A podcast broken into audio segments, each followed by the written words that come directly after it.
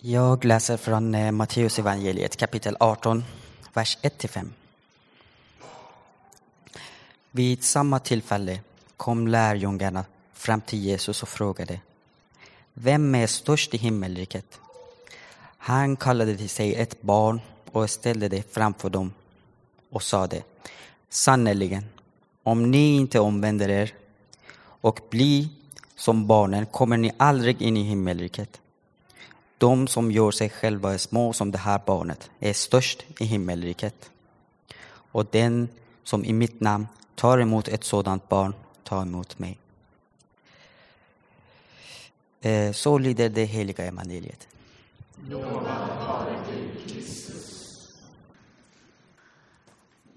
Det är rätt märkligt vad ett år går fort. Det tänker man varje år när det närmar sig nyår. Och nu är vi där igen. Nu är det snart nyår 2019 och nu är det här året till ända. Men det är ju inte bara så att vi går in i ett nytt år. Vi går ju också in i ett nytt decennium, 2020-talet. Känn på den. Många är det som just nu i nyhetskrönikor och i olika texter och i media sådär reflekterar över frågan vad var det egentligen som präglade 10-talet då? Som vi nu ska lämna bakom oss.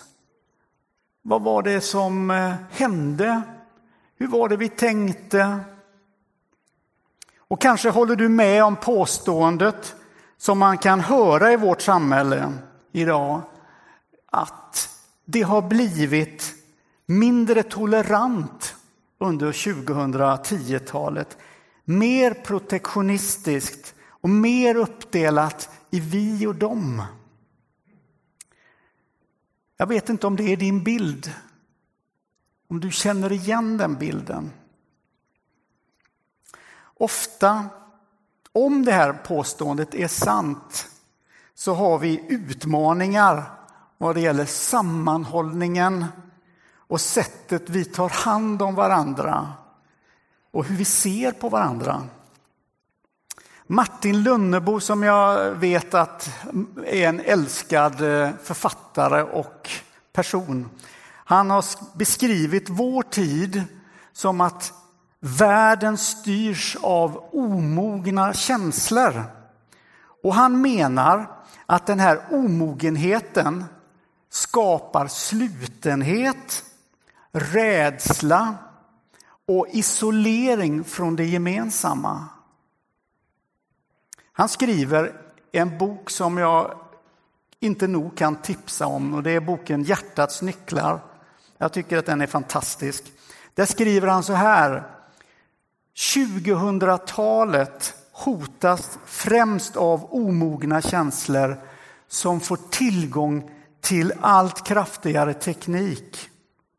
Den ger människan mer makt som i sin tur fordrar mer av det hon saknar mest, nämligen mognad. Och så kan det vara.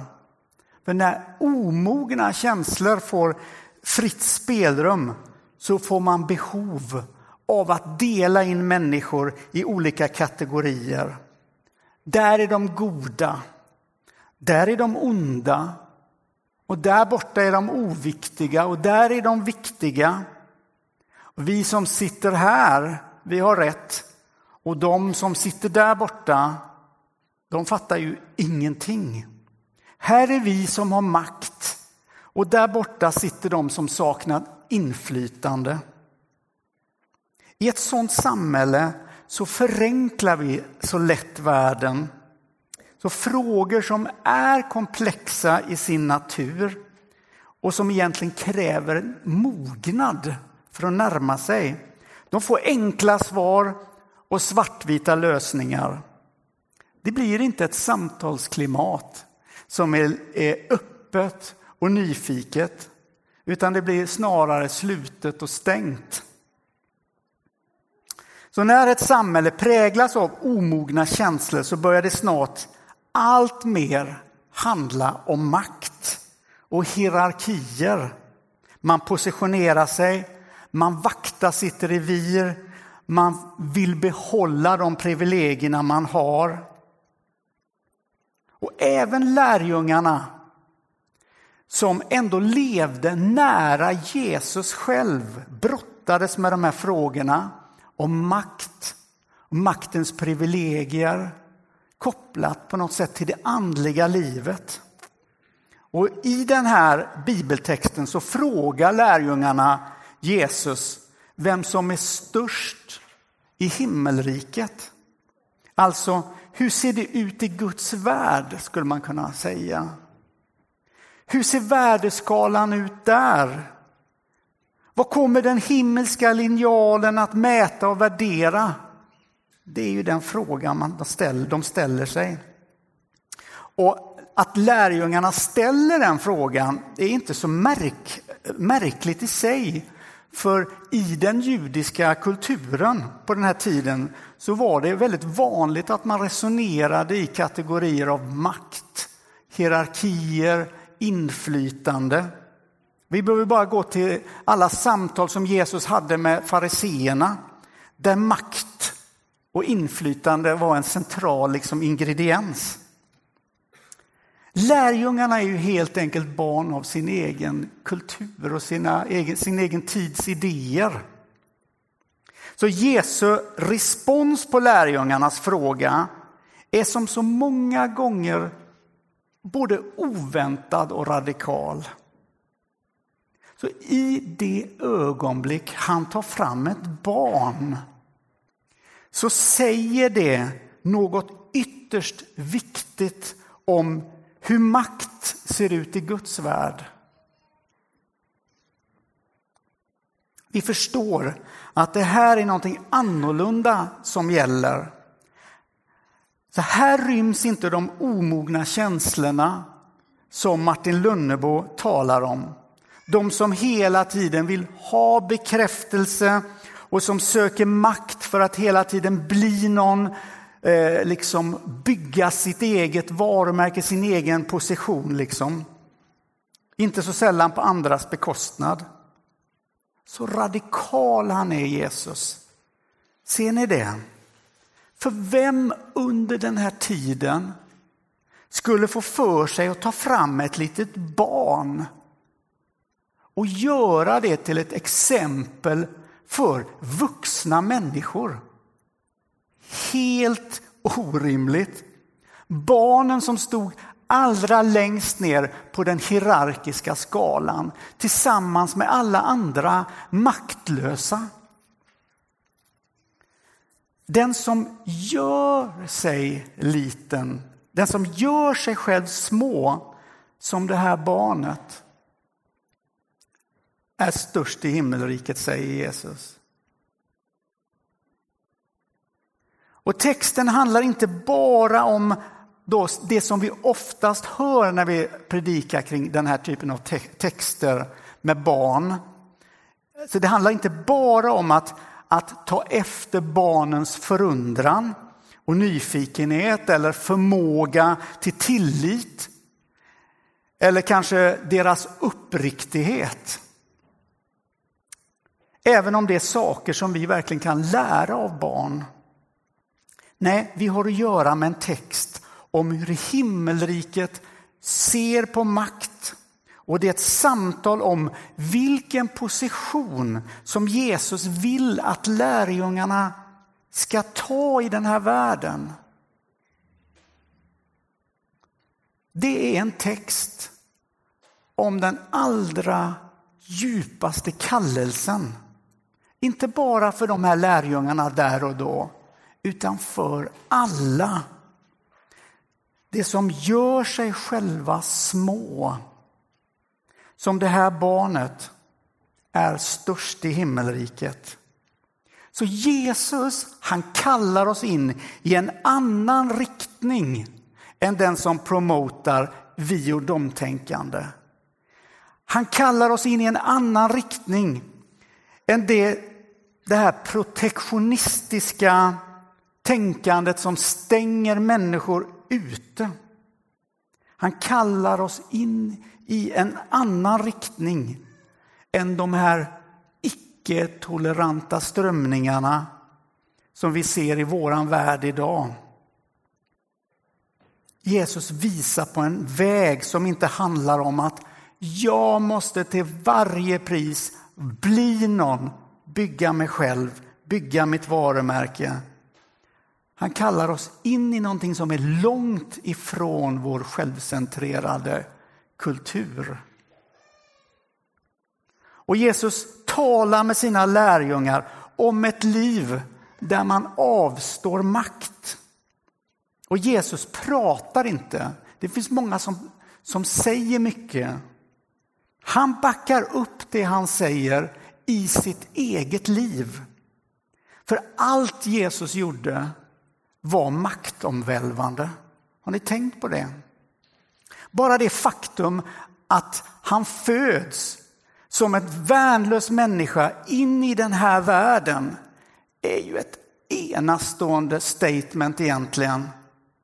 Att han kläs av sina himmelska kläder och blir en liten värnlös baby.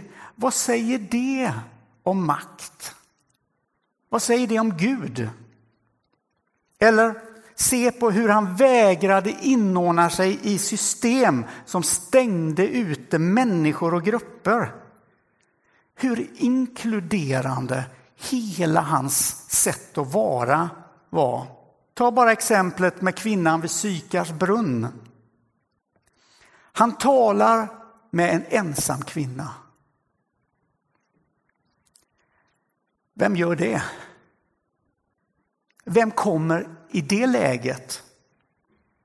Han gör det trots att hon tillhörde ett föraktat folk. Han gör det med den djupaste respekten.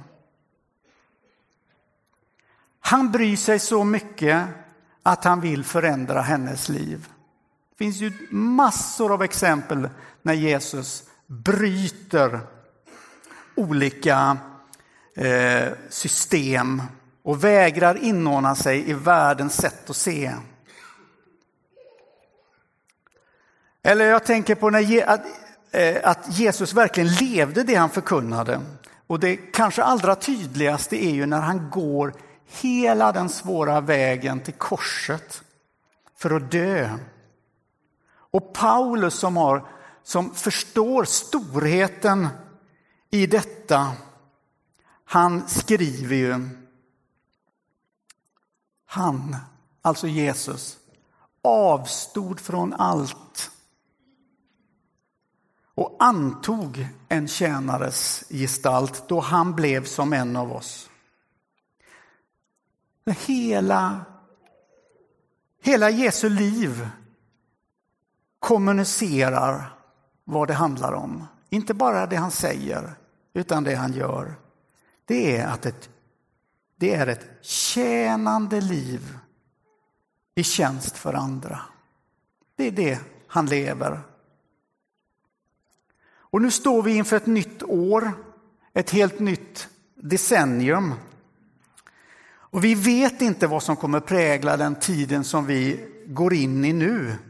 Kommer vår värld dras isär ännu mer? Kommer den styras av ännu fler människor med omogna känslor? Som tar makten, som söndrar? Eller kan någonting nytt växa fram? Kan det komma någonting annorlunda? Kan det, kan det plötsligt blomma upp något oväntat? Är det möjligt? Och vi får så här själva i slutet på året ställa oss frågan, vad vill jag ha för roll i allt detta? Vad vill jag ha för roll i den här världen? Vad vill jag ha för roll i min, under mina kanske, om jag får 80 års liv? Vad vill jag ha för position? Vad, vad ska jag ta vägen liksom?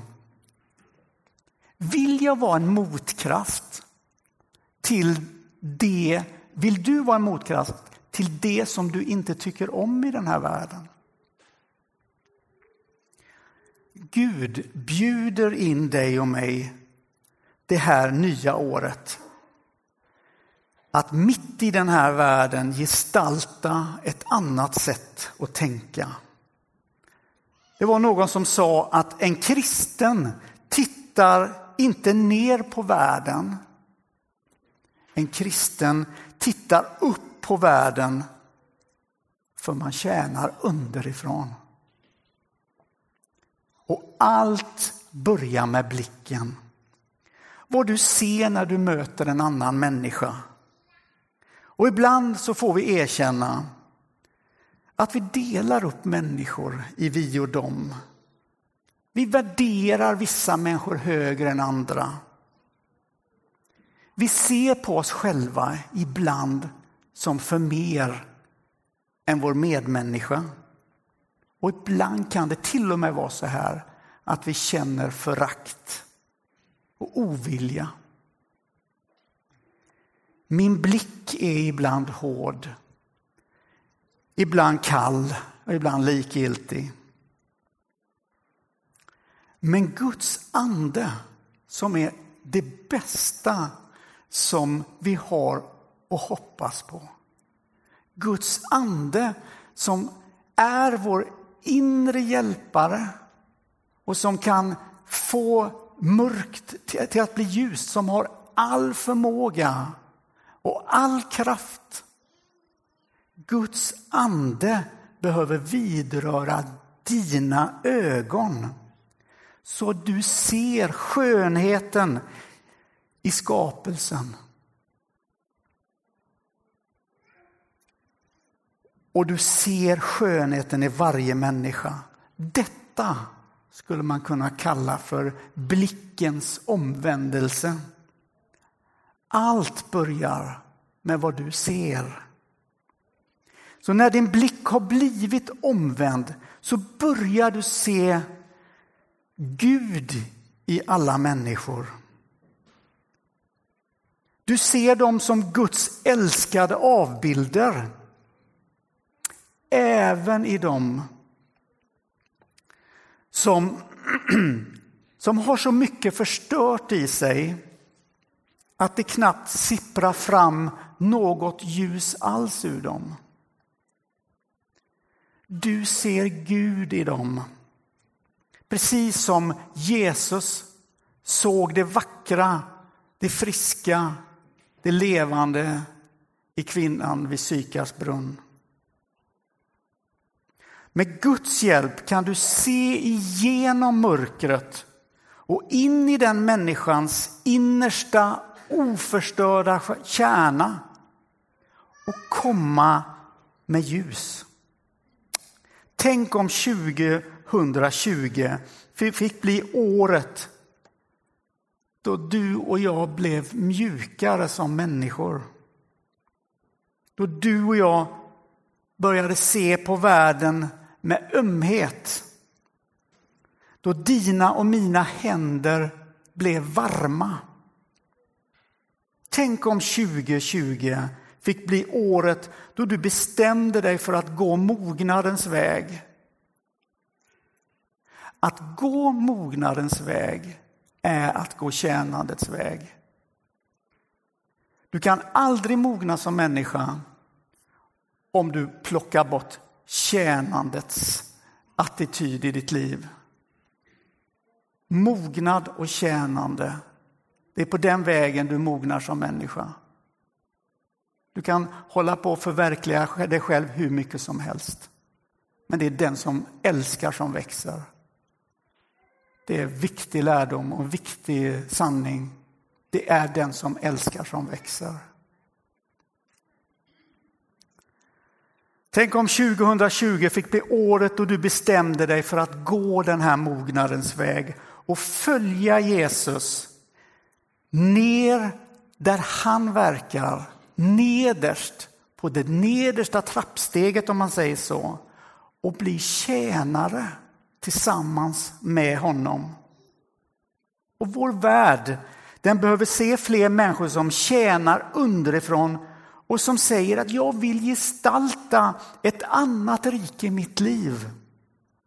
Ibland mina vänner i mitt yrkesliv, i samhället, ja överallt där jag har en påverkan.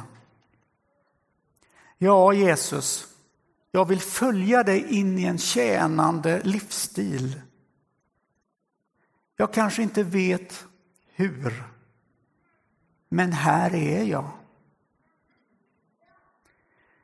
Vi ber med den heliga Franciscus. Herre, gör mig till ett redskap för din frid. Låt mig bringa kärlek där hat råder. Låt mig bringa förlåtelse där orätt har begåtts. Låt mig skapa endräkt där tvedräkt råder.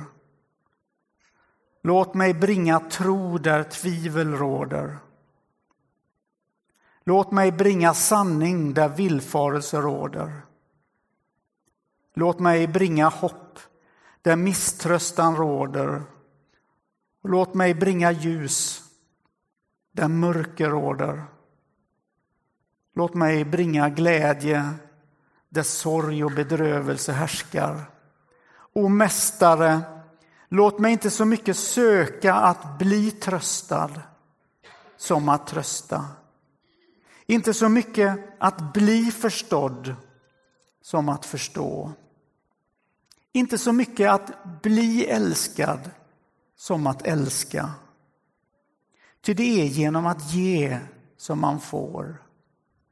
Det är genom att glömma sig själv som man finner sig själv. Det är genom att förlåta andra som man själv får förlåtelse. Det är genom att dö som man uppstår till evigt liv. Amen.